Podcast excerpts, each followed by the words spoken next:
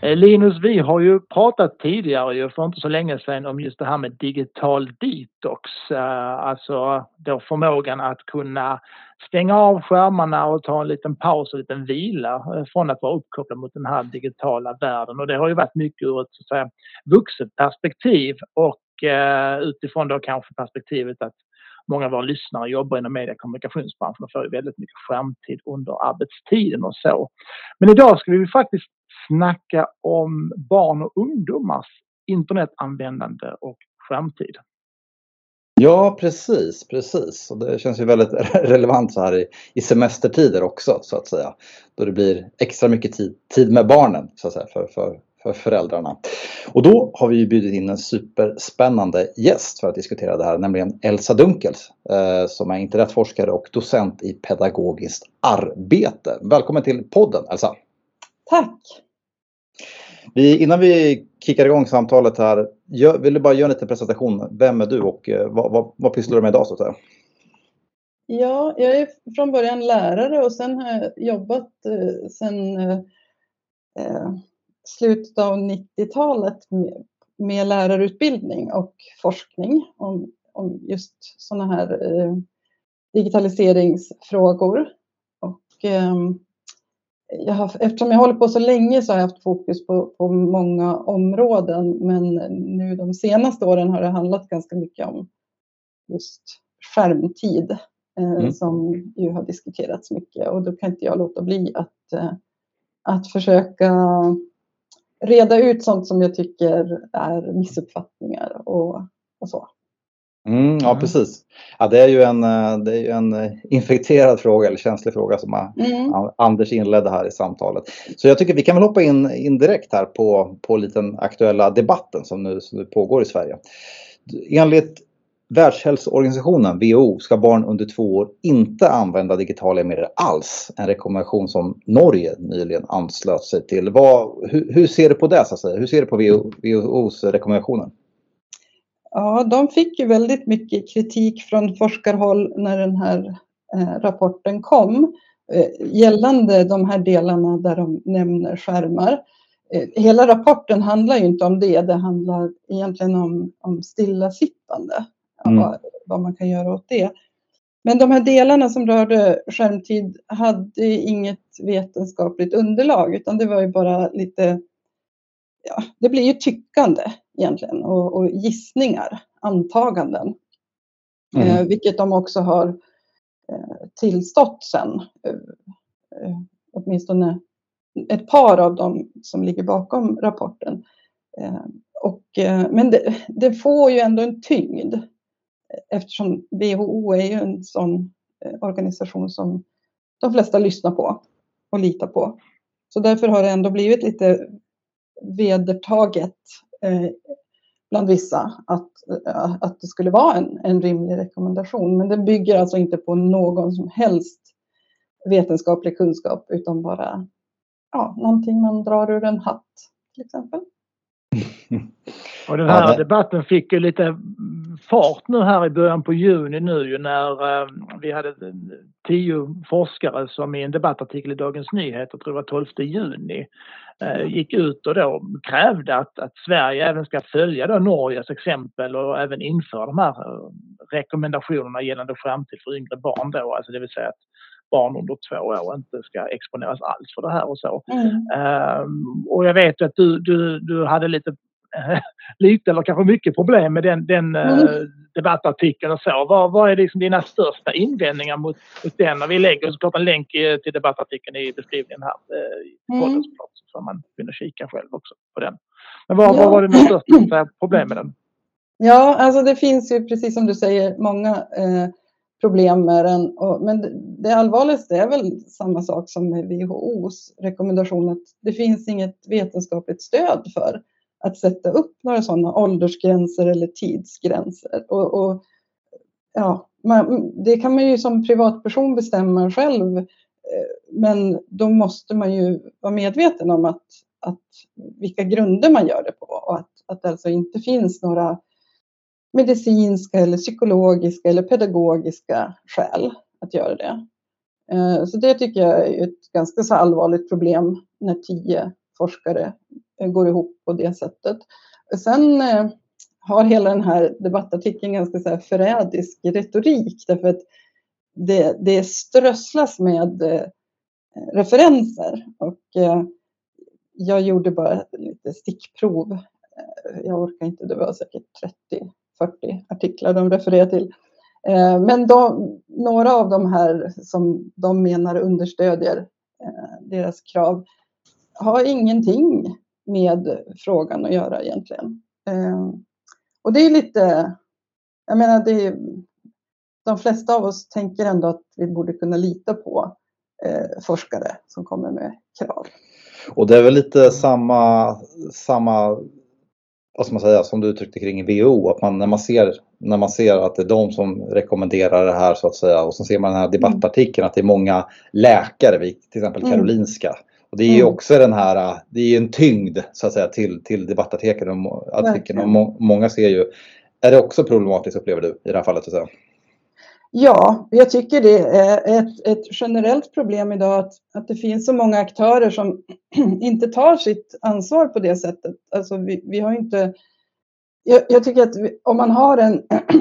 ursäkta, om man har en titel som eh, signalerar trovärdighet så har man ett ansvar emot eh, både titeln men också mottagarna av det man säger. Att, att att vara ärlig i, i sitt eh, argumenterande och också vara så transparent som man kan vara så att man verkligen visar att det här, det här bygger jag på följande. Och, och, ja, det finns de som ger ut, det finns förlag som ger ut böcker utan att faktakolla. Eh, och det finns ja, men till exempel eh, forskare då som går ut och, och säger saker som de tycker men förklär det till eh, vetenskap. Mm. Mm, de skriver bland annat där i artikeln att, eh, för det är just det man kan undra varför drar man den här gränsen vid två års ålder och ett litet utdrag ur det de liksom pratar om och varför det, det, är så. Det är väl, de skriver ju där så här, studier visar då att människan lär sig bäst genom att observera andra människor, vilket är extra påtagligt i början av livet. Eh, vid ett års ålder till exempel har barn svårt att översätta vad de ser på en skärm till lärdomar jämfört med då fysisk interaktion med, med, med andra människor. Eh, och så. Hur, hur, ser du liksom på, på det mm. stycket där som ja. ska beskriva då? Det där är ju också ett vanligt argument i det här sammanhanget att man eh, här ställer de egentligen upp en, en sorts falsk motsättning. Därför att eh, eh, det låter som om barn då som använder skärmar inte får det där andra. Alltså de, gör, de ställer upp en motsättning mellan de här två sakerna. Men i praktiken så är det ju inte det för eh, de absolut flesta barn. Utan de får både interaktion med vuxna och ibland lite skärmtid. Så att det är ju inte antingen eller. Um, och det är inte så att skärmarna i sig är farliga. Och det, det, det, det, påstående, det här citatet som du läste upp här nu, det påstår egentligen inte det heller, utan det påstår att det andra är oerhört viktigt. Och det, Eh, det är ju etablerad kunskap som, de, eh, som alla ställer upp på. Att det är klart att barn ska ha interaktion med vuxna. Ögonkontakt, kroppskontakt och höra vuxna prata och så vidare. Men det är ju som sagt ingen motsättning mot att ha, också ha skärmtid. Nej, för jag tänker också lite grann, vi har ju, vi har ju kollat på tv i drygt liksom 60 år. TVs, mediets genombrott i Sverige var väl 1958 då. Det är ju också en skärm och den har väl ja. bevisligen 60 år senare inte skadat oss nämnvärt. Så jag undrar lite vad är skillnaden egentligen mm. på skärm och skärm i det här fallet? Nej, men precis, och det, det är ju egentligen eh, det stora problemet här att att vi har, eh, använder ett ord, skärmtid, som inte är eh, som inte går att definiera. Det går inte att ringa in vad det skulle vara för typ av aktivitet. Eftersom eh, till skillnad från tv-tittande faktiskt så eh, kan skärmtid vara så många olika saker. Det kan innehålla eh, allt från att göra eller titta på olagliga saker till att ha ett videosamtal med en släkting. Och allt däremellan. Och det, det betyder att hela premissen för, för deras resonemang är felaktig eftersom eh, det, det, går inte att säga att det är en aktivitet och därför är den inte skadlig eh, i sig. Sen så skulle man ju kunna sätta upp så här eh, gränsdragningar och säga att barn ska inte titta på våld. Och det är väl alldeles rimligt, men här, här pratar de om det som om det var skärmtiden i sig som är det negativa. Den här podcasten är ett samarbete med Resumé.se, Sveriges ledande branschmedia för alla som arbetar inom media och kommunikation. Gå in på Resumé.se för att ta del av senaste nytt från dessa branscher.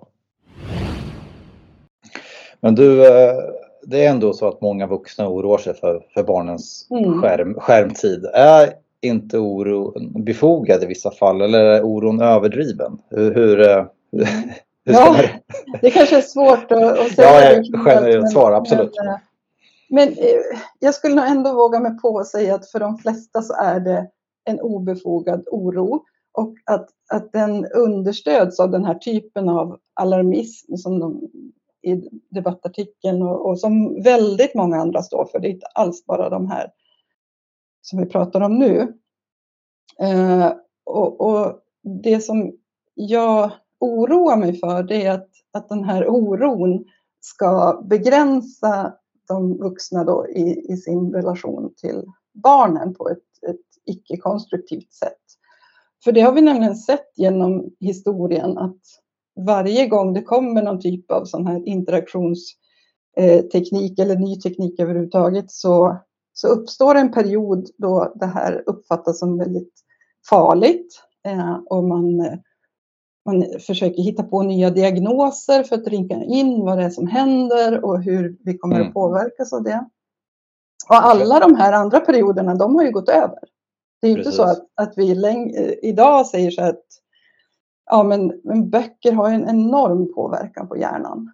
Så att vi kan inte, vi kan inte låta barn i en viss ålder eh, läsa böcker vi vet att det har en enorm påverkan att läsa, men idag ser ja. vi det som någonting positivt. Ja, man får ju höra det här att man ska läsa, läser du, jag kommer inte ihåg siffrorna, men det, det är så här en markant skillnad tydligen. Att om du läser saga för dina barn på kvällarna innan de ska sova så får de ett alltså så här, tusenfaldigt rikare ordförråd än om du inte gör det till exempel och så vidare. Ja, och det, det är faktiskt ja. precis så där som man kan se att de här, de här, det kallas paniker, mediepaniker, eh, de här perioderna. Och de övergår, eh, precis som med boken, i sin motsats till slut. Så att det här som var så farligt en gång i tiden, det används som ett, eh, någonting positivt i relation till det nya som är, är, är farligt idag. Mm. Och det gäller ju boken i allra högsta grad. Men även mm. tv kan ju en del romantisera. Att... Ja, för att den här, som du sa, det är kul att säga, för att just den här liksom paniken, den känner jag igen. Uh, för att när jag och Linus är födda tidigt 80-tal, uh, eh, då var det mm. mycket tv-spel som, som det pratades om. Mm. Videofilm och videovåld och så vidare. Mm. när våra föräldrar var unga så var det kanske hårdrock och så vidare. Mm. Och jag menar, vem minns inte den här klassiska Sivert Öholm, Wasp? Mm. Den, är ju, den är ju klassisk ju. ja. just det här med dödsmetall och sånt där man har varit väldigt panikartade, moraliserande och så. Det.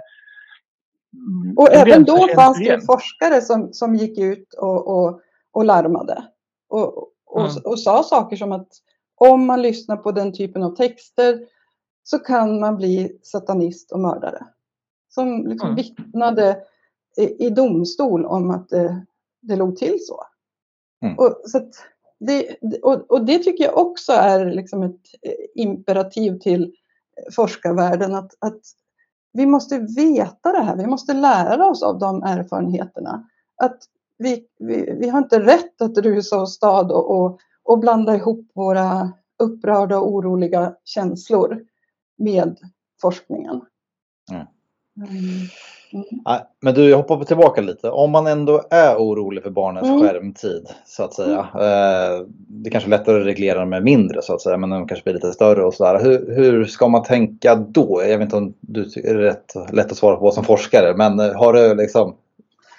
Jo, nej men jag, jag tror att det är viktigt att dels eh, att känna till att barn eh, som har haft mycket eh, skärmtid, använt internet mycket, är generellt tryggare än de som inte har övat. Och, och ja, på det, vilket då? Eh, till exempel har lättare att undvika risker. Att eh, eh inte eh, hamna i en sån situation eh, där de kanske blir lurade. Har lättare att känna igen här, signaler, veta vad som är reklam, vad som är bluff. Eh, men också har, har lättare att larma till någon vuxen. Och har, har eh, fler har förstått att det är inte mitt fel om jag blir lurad. Eh, eller, eller någon trakasserar mig. Eller grooming till exempel också. Ja, Ja. Precis. Och då, eh, men det är ju ingenting, det är egentligen ingenting märkligt i det. Därför att allt som man tränar på blir man bättre på. Vi skulle aldrig eh, tycka att det var konstigt att jag säger att men barn som får cykla blir bättre på att cykla. Men just när det gäller internet så är det som att vi har vänt på resonemangen och säger att man ska hålla, hålla det ifrån dem så länge som möjligt för att skydda dem. Och jag tror precis tvärtom och det här baserar jag då på den typen av forskning som har visat eh, det här med, med trygghet.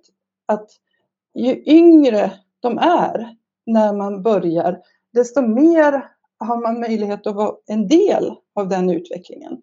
Det är svårare att ta en 13-åring och säga nu sätter vi oss i soffan och kollar in det här med internet. Än det är att sätta sig med sin bebis i knät och eh, kolla på Babblarna.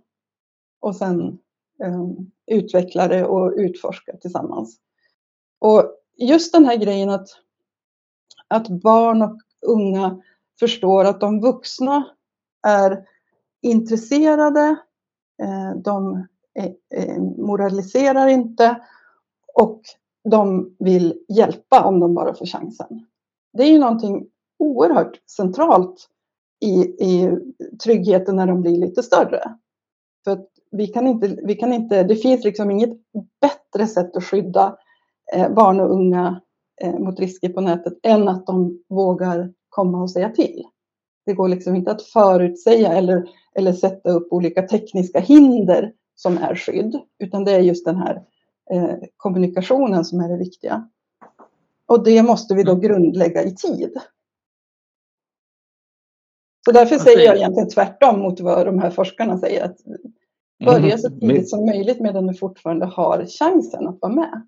Ja precis. Uh, jag håller med det kändes ju väldigt så här, börja med bebisen och kolla på, på internet. Mm. Men det är därför lite grann alltså den här generationen som också växer upp nu, det har man väl också kunnat visa på, är ju till exempel betydligt mer källkritisk än vad liksom 50-60 plussarna är. Och det, det måste väl också ha precis med det du säger att göra med, med en vana av saker och ting. Mm. de här liksom, 50-60 plussarna har ju levt större delen av sitt liv utan de här medierna och för dem är det ju väldigt nytt. Medan mm. den här generationen som växer upp är betydligt mer källkritisk.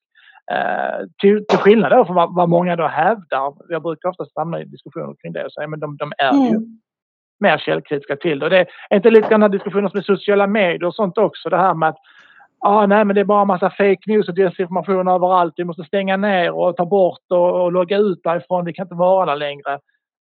Jag är ju lite inne på ditt spår. Men nej, det är snarare tvärtom. Vi måste ju hänga där ännu mer i sådana fall för att verkligen bli duktiga på att mm. identifiera, alltså källkritik, kunna veta när vi, alltså, känna igen en lögn när vi ser den ungefär så, mm. även om det inte kanske är det lättaste alltid. Och det här med fake, mm. jag vet att det här med sant och falskt är svårt för mycket tolkningsbart och så. Ja men absolut. Och men vi blir bättre på det eftersom att vi hänger i de här medierna ju, skulle jag säga. Ja, exakt. Och det är ju, det är ju i, i sådana sammanhang eh, där väldigt så här, vana internetanvändare befinner sig som eh, uttryck som källa på det har uppstått. Eh, alltså på Wikipedia, på olika forum där man då kräv, avkräver varandra källa. Det är ju ingenting som tyvärr som skolan har lärt ut att, att man i varje diskussion ska avkräva folk källor. Eh, så det där har ju liksom uppstått eh, i den här miljön därför att den, den inbjuder till det. det vi, vi förstår att vi måste vara kritiska därför att där kan vem som helst ha skrivit vad som helst och en del kan vara reklam och det vet vi inte. Medan till exempel en lärobok i skolan inte inbjuder till lika mycket källkritik. Eh, den känns trygg, trovärdig, någon har kollat den. Eh, så jag tycker man kan tänka så istället att det är väl jättebra att det finns miljöer där, där alla får träna på att, att vara kritiska, för det borde vi ju vara vuxna som barn. Ehm, men mm. just det här, det, det faktum att, att många unga är duktiga på de här sakerna, det är lite sorgligt på ett sätt eftersom det är ingenting som vuxna har eh, styrt upp. De flesta har ju utvecklat det här på egen hand eller tillsammans med sina jämnåriga. Så vi har alltså lämnat hela det här väldigt viktiga området till barn att själva eh, hantera. Identifiera risker, hitta på lösningar. Eh, det skulle vi kunna ändra på. Mm. Ja, för jag kan ju bara se, nu talar jag av egen erfarenhet, alltså jag kan ju bara se eh, mina barn sitter med, med skärmar om en begränsad form. De sitter inte med dem hejvilt hur mycket de vill men jag ser ju eh, liksom bara på min, min son som fyller sju nu här i september hur, hur duktig han är på engelska till exempel. Ja. Alltså han, han kan i princip prata flytande engelska. I alla fall så förstår han ju allt. Eh, mm. Och det är ju tack vare internet och framförallt Youtube. Och min dotter som är tre och ett halvt år, hon kan ju betydligt mer engelska än vad jag kunde när jag var sju, åtta, nio år. Ja, visst. Och, och, samma med räkna och matte och så. De är ju liksom mm. ljusare ifrån där min egen generation var i, i samma ålder. Vi, mm. Jag tror knappt jag kunde räkna till 5 plus 5 när jag var sju år. Min, min son kan, mm. kan allt. Eh, ja, han har liksom ja, mattekunskaper som en uh, årskurs 4-5-åring nästan. Uh, ja, det är ju väldigt påtagligt. Uh, mm. Helt klart när man, när man ser barn på det sättet. Nu är ju inte det, alltså, det är ju fortfarande på anekdotnivå. Men, men det finns även studier som, som pekar åt den riktningen. Mm, mm. Precis.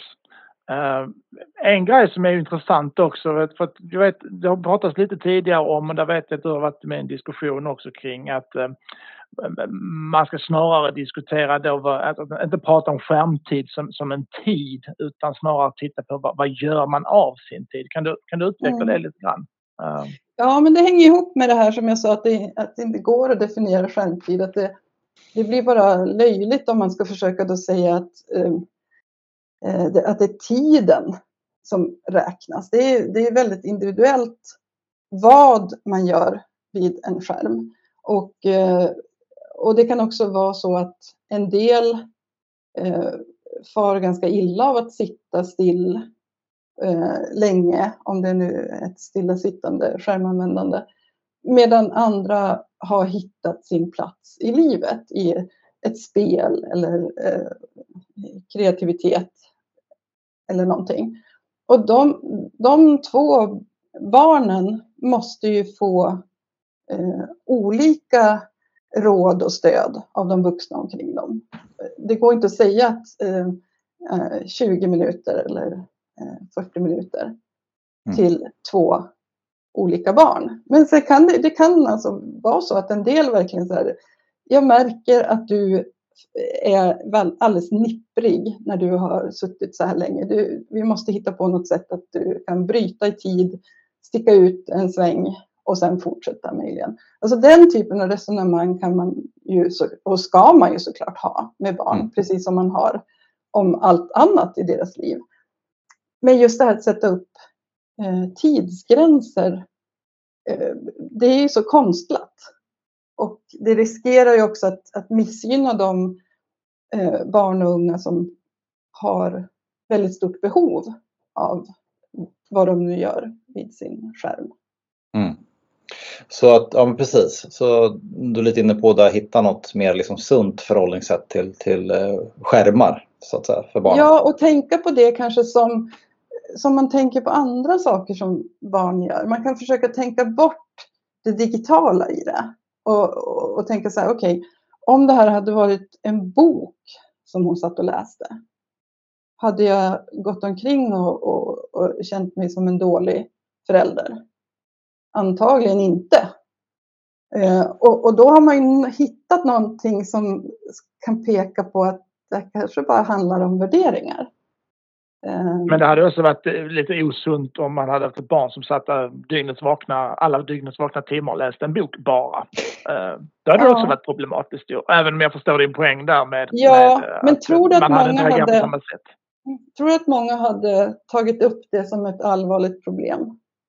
Nej, det tror jag inte. Ja. jag, jag, är helt inne på din poäng. Jag tror inte att, att kuratorn på skolan får många samtal om det. Till exempel. Och då, då är vi på värderingar. En bok ja. är ju väldigt stillasittande aktivitet. Det är väldigt få som klarar att gå och läsa medan skärmtid kan ju definitivt vara att röra på sig.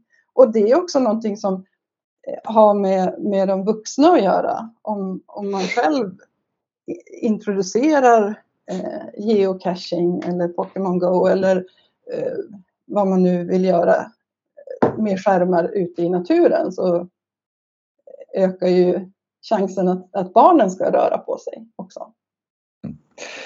Men du, eh, finns det några säkra slutsatser som visar att skärmtid påverkar oss negativt eller skadar oss på något sätt?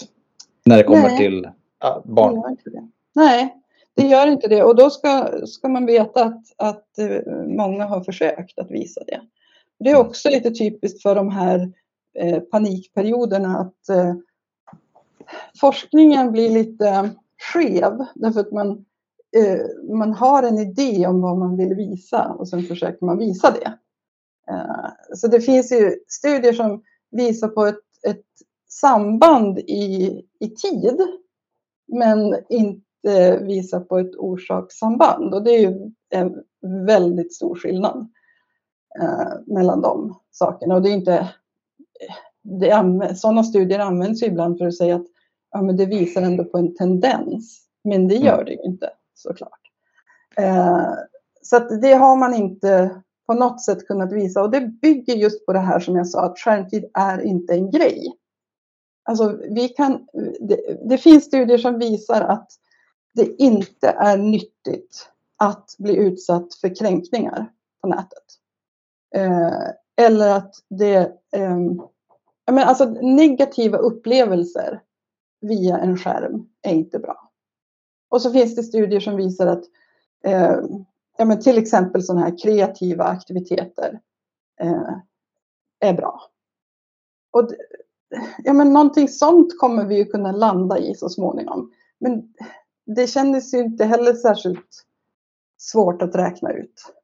Eh, eh, och det är Nej, där vi måste liksom hamna, att vi, att vi skiljer på de här sakerna.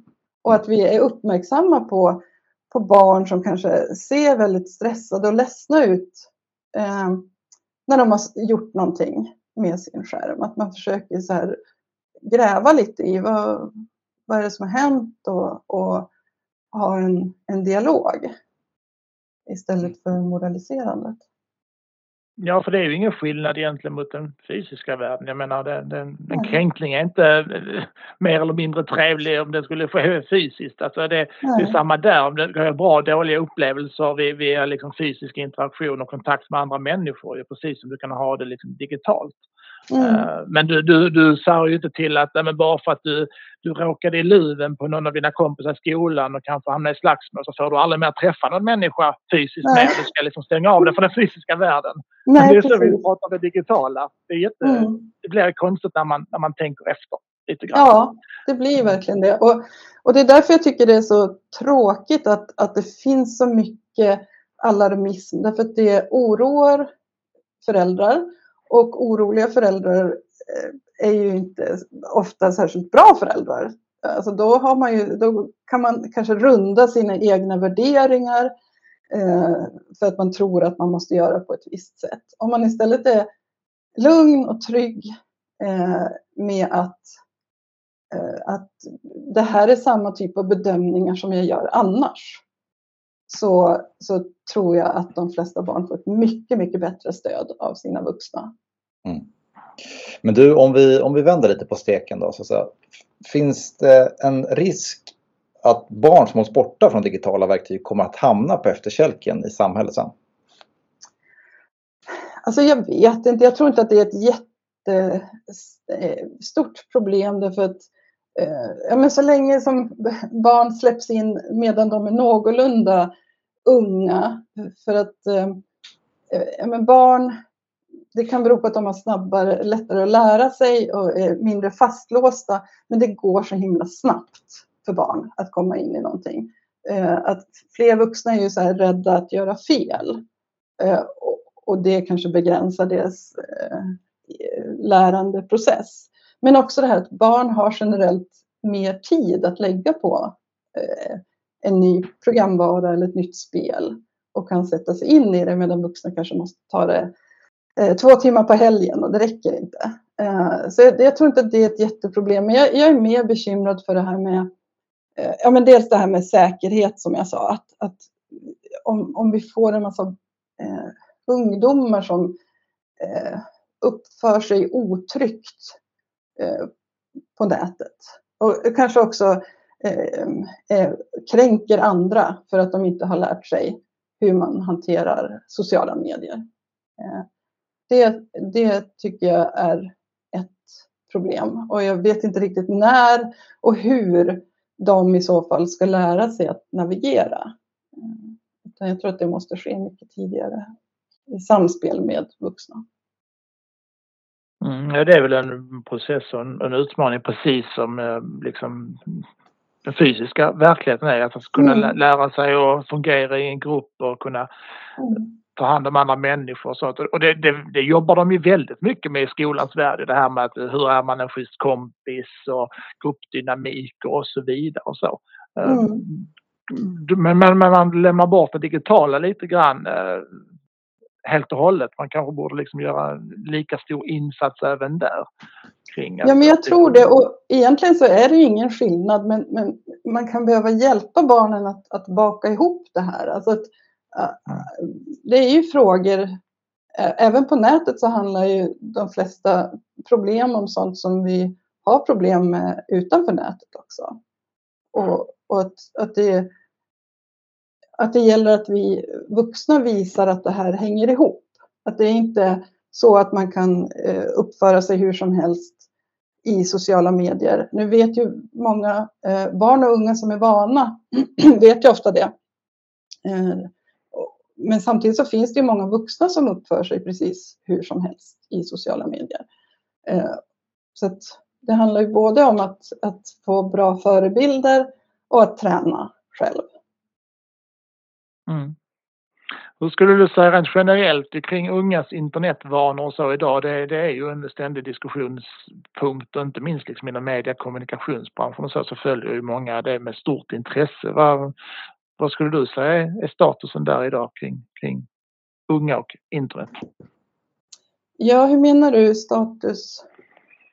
Ja, men kring deras internetvanor och så vidare. Eh, kan du liksom i, ditt arbete se, se några trender eller att vi, vi går åt ett visst håll i utvecklingen och kanske lämnar någon period av kanske lite Eh, yrvakenhet och så vidare mm. i takt med de här, alltså det, det, är ändå en generation nu som kommer här som får det här med modersmjölken och det är väl egentligen första generationen som, som verkligen är digitala från det de föds i stort sett nästan.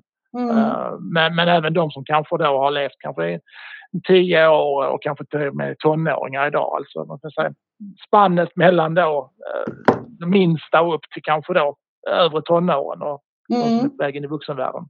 Mm. men jag tror för, för dem så är ju, är, är ju skärmtid ett, ett konstigt begrepp. För att det går inte, ja men vad är det som räknas och hur, hur skiljer man på det? Och, och jag tror att för de flesta vuxna så skulle det vara det också om vi tänkte efter. För att det är ju inte, eh, jag menar, vad gör vi med våra skärmar? Det är inte skärmen i sig som jag älskar eh, när jag tittar på den, eh, hur många gånger det nu är i timmen, eh, när man gör sådana mätningar. Utan det är ju vad den kan ge mig som är det intressanta. Och, och, och där tror jag att, att många yngre är framme vid det sättet att tänka eh, medan vuxna inte har nått dit ännu. Eh, ehm, utan mer räkna så här tid. Att oj, oj, oj, vad många gånger. 34 gånger i timmen, det är inte klokt. Så alltså, upprörs man över det. Men om man skulle säga så här, jag tänker på mina barn 34 gånger i timmen. Så skulle ingen säga, men alltså du måste ju detoxa. Du verkar ju helt beroende av dina barn. Eh, men det är ju ofta det som det är. Alltså, jag kanske har jag har ju daglig kommunikation med mina vuxna barn som inte jag bor med längre eh, via min primära enhet. Det är ju ingenting som jag skulle välja bort, inte ens för en dags detox. Eh, så att just det tänkandet tror jag att, att den generationen står för alltså på riktigt, inte behöver tänka efter utan det är eh, ja, att många inte ens förstår frågan. Ja, för de, har någon sorts, det blir, de utvecklar någon form av självreglering. Att de, de, liksom, de håller sig till det som är relevant för dem och drar ner ja. på det som de känner är irrelevant så att säga. Och det ja. gör ju då deras, skärm, deras skärmtid då, som vi inte då ska prata om egentligen som begrepp. Men den ja. blir ju mer och mer meningsfull i takt med att de identifierar vad är relevant för mig? Var ska jag hänga mm. någonstans? Vilka forum och så vidare. Och sen ja. är man väldigt, så att säga, man får ut mycket av, av den tiden man är där. ja, men det tror jag absolut. Och sen, men, men också finns det ju många som skulle behöva lite mer stöd omkring de här frågorna för att det är svårt med men, till exempel att jämföra sig med andra. Vilka ska man följa? Vilka mår man dåligt av att följa och så vidare. Den, den typen av resonemang skulle många behöva och, och ganska tidigt egentligen. Men det är också frågor som fanns innan internet. Så här, varför mm. åker vi aldrig till fjällen? Alla andra gör det. Och, och så. Det är samma eh, fenomen egentligen, fast det har blivit kanske lite synligare och, och, och, tydligare. Och det kan vi ta som eh, en möjlighet istället. Det är lättare att samtala om det därför att man kan peka på vissa saker på Instagram. Att det här kan ju inte stämma eller eh, ja, de här överdriver säkert. Ja, superintressant. Du, om vi hoppar in lite i din forskning, vad ligger på ditt bord just nu så att säga inom det här området? Mm. Ja, men jag har precis avslutat eller, eh, en, en, att skriva en bok om just skärmtid. Egentligen så eh, börjar det nästan vara ett år sedan som jag skickade iväg slutmanus till så att jag inbillar mig att jag nyss har avslutat den. Men eh, det känns som att jag är mitt uppe i det eh, väldigt mycket just att eh, gräva ner mig i forskningsrapporter omkring mm. skärmtid och påverkan och så. Det var ett område som jag slog ifrån mig väldigt länge och så där fnös lite åt att ja, jag har hållit på med en skärmtid nu, jag vet nog vad det är som gäller. Men till slut så insåg jag att det, det är väl klart att någon sån som jag ska ta tag i det då. Så att jag har ju mm. läst otroligt mycket. Är det en, eh, är det en populärvetenskaplig bok? Ja, det är det. Den är inte skärmstark och eh, det är en, undertiteln är Handbok för vuxna om unga och skärmar. Så att den är ju, riktar sig egentligen till ja, men vårdnadshavare i första hand. Men jag vet att många eh, professionella mm. också kring barn. Mm. Den här, eh, måste passa på att ställa den här frågan när vi ändå har liksom en forskare på, på unga och internet och så. Den här, det är knäckfrågan då som, som väldigt många som arbetar inom mediekommunikation brottas med dagligen. Det här, hur når vi de unga? Mm. Hur, mm. Vet du, har du något svar på hur man gör det egentligen? Och jag brukar landa så går det ens? Vill de ens bli nådda? Mm. Vissa. Ja, alltså jag tror så här att, eh, att frågan är egentligen lite fel ställd. Därför att den, den gör ju ett eh, vi och ett dom eh, automatiskt genom att frågan ställs på det sättet. Och då, Um, det är alldeles sant. Är alldeles ja, och då, just det här med, då handlar det plötsligt om representation. Då ska vi kanske ta in ett gäng som ska representera alla de andra. Jag tror att enda sättet att ha, eh, vad ska vi säga, ha nytta av ungas erfarenheter, det är att, att ha med dem i alla processer. Jag, jag tror att det här med men, en referensgrupp bestående av eh, unga eller eh, elevråd, Eh, representanter, den typen av, av sätt att organisera det är eh, förlegat. Och att det aldrig egentligen har varit målet att, att nå eh, dem eller ta vara på erfarenheterna. Utan i så fall kanske det handlar mer om att eh, ha ett alibi för att vi har gjort det vi kan. Eller, eller kanske rent av sådär eh, mjölka dem på information. Men vill man ha med dem på riktigt så är det ju att, att eh, anställa, att ha, eh, bjuda in till eh, att lyssna på riktigt. Man skulle vilja säga att eh, många inom media och kommunikationsbranschen går bet idag för det gör ju väldigt många Eh, just det här i sin ambition och strävan att då så att säga nå ungdomar. Vad, vad är liksom det största felet man gör som du ser det? Alltså jag är ju inte alls i den branschen så det eh, kan jag inte uttala mig om så. Men om jag, om jag ska titta på samhället i stort utifrån eh, min forskningshorisont så, så är det ju eh, just den här grejen att vi inte tar barns och ungas erfarenheter på allvar och deras eh, tankar om det som händer. Utan eh, vi är fortfarande kvar i det här gamla sättet att tänka, även om vi kanske inte uttalar det, så, eh, så bygger det mesta på eh, det här att ja, ja, din vilja eh, står i skogen och växer. Vänta, kom tillbaka när du är vuxen, så förstå, då kommer du förstå bättre. Men det tror jag är ett, ett stort misstag för att de flesta som tänker tillbaka på sin barndom tänker nog inte att man var ett, eh, liksom ett, ett, löv i vinden som bara flög fram och tillbaka utan egen vilja. Utan, eh, barn har ju en, en alltså, avancerade tankar, ett känsloliv, eh, förmåga att analysera och förstå även om, om den ständigt är under utveckling.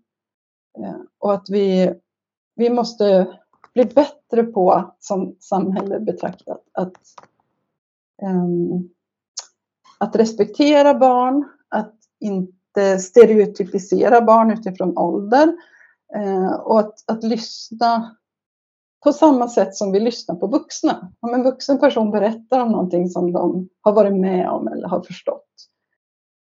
Eh, om vi skulle kunna lyssna på samma sätt som vi gör då, när ett barn berättar, Eh, så eh, tror jag att vi skulle nå så mycket längre i många frågor. Jag vet inte om det var något rätt svar på din fråga. Men...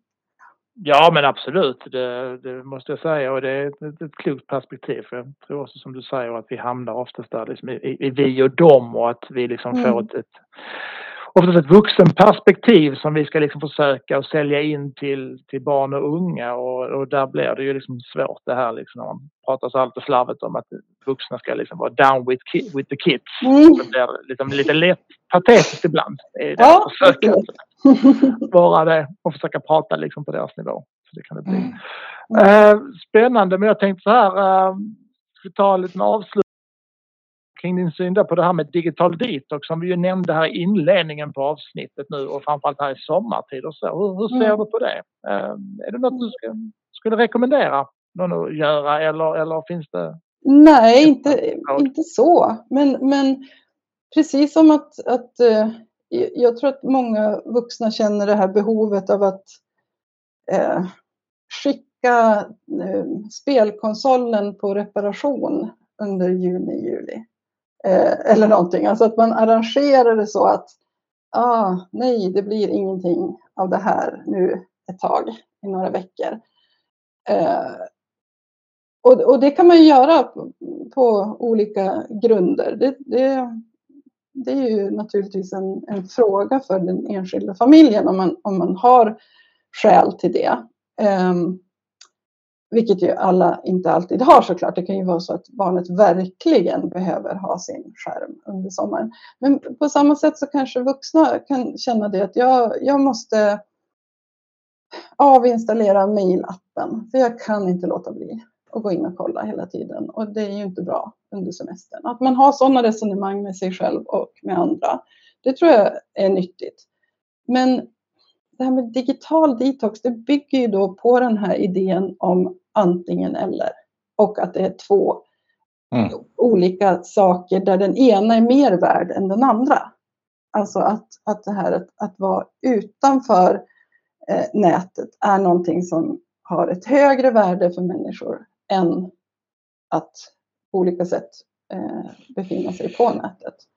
Och det, det kan inte jag skriva under på i alla fall. För det är såklart individuellt vad man gör. Men som sagt, mm. jag har ju mycket sån eh, kontakt eh, med folk. Jag eh, är kreativ med min mobil och framförallt så kopplar jag av något så in i bomben med olika saker på min mobil. Så jag, jag skulle inte göra det för allt i världen. Nej, jag tror mycket det handlar om att man får gå till sig själv i grund och mått. Om vi mm. pratar om anammar det vuxna perspektivet här och, och liksom uppleva att man har ett sunt förhållningssätt till, till sin smartphone eller sin, sin dator eller vad det kan vara handla om. Så, så, så tycker jag man kan vara fine med det och inte ha den här känna dålig, dåligt samvete över att man kollar Nej. telefon även på semester. Mm. Och så. Mm. Och sen tycker jag detox, ja. man kan vara lite försiktig med sådana uttryck som ju kommer då från medicin. Eh, att, eh, att man gör det till någonting, man översätter det från typ substanser. Att mm. eh, ibland pratas det också om beroende, att man skulle vara beroende av sin eh, enhet och så. Och det är inte heller ett rimligt resonemang. För ett, ett beroende, då måste man göra sig av med det. Det, det farliga. Man, man, slu, man ska ju sluta då med droger eller gifter eller vad det är någonting. Mm. Men det handlar det inte om här, för då skulle man ju göra sig av med alla de här extra möjligheterna som finns. Utan det handlar om just det här, som du sa, sunt förhållningssätt. Det tycker jag är ett, ett uttryck man kan försöka anamma istället. Du eh, Elsa, tusen tack för att du ville vara med här i ja, dagens avsnitt. Jag fick vara med. Kommunikations... Ja, det har varit superintressant. Det har varit, har fått många liksom, insikter själv här nu. Att man kanske ska tagga ner vissa, vissa situationer. Både när det gäller sin skärmtid men också framförallt ens, ens barns skärmtid. Så att man kanske inte alltid ska brottas med, med dåligt samvete på, på, på det sättet. Och eh, vi är tillbaka Anders om två veckor med ett, eh, med ett eh, nytt avsnitt. Och om man vill komma i kontakt med oss, hur gör man då? Ja, det kan man ju förslagsvis följa oss på Facebook, kommunikation med Svensson och Mattisson. Eh, man kan även skriva mejl till oss, svenssonmattisson.hotmail.com om man skulle vilja göra det här under sommaren och semestertider som vi nu har framför oss här. Så Sara, jag stort tack till dig Elsa för att du vill vara med i vår podd. Fantastiskt intressant att lyssna på dig. Ja, superintressant. Tack så mycket. Ha det bra alla ute. Hej då! Hej då!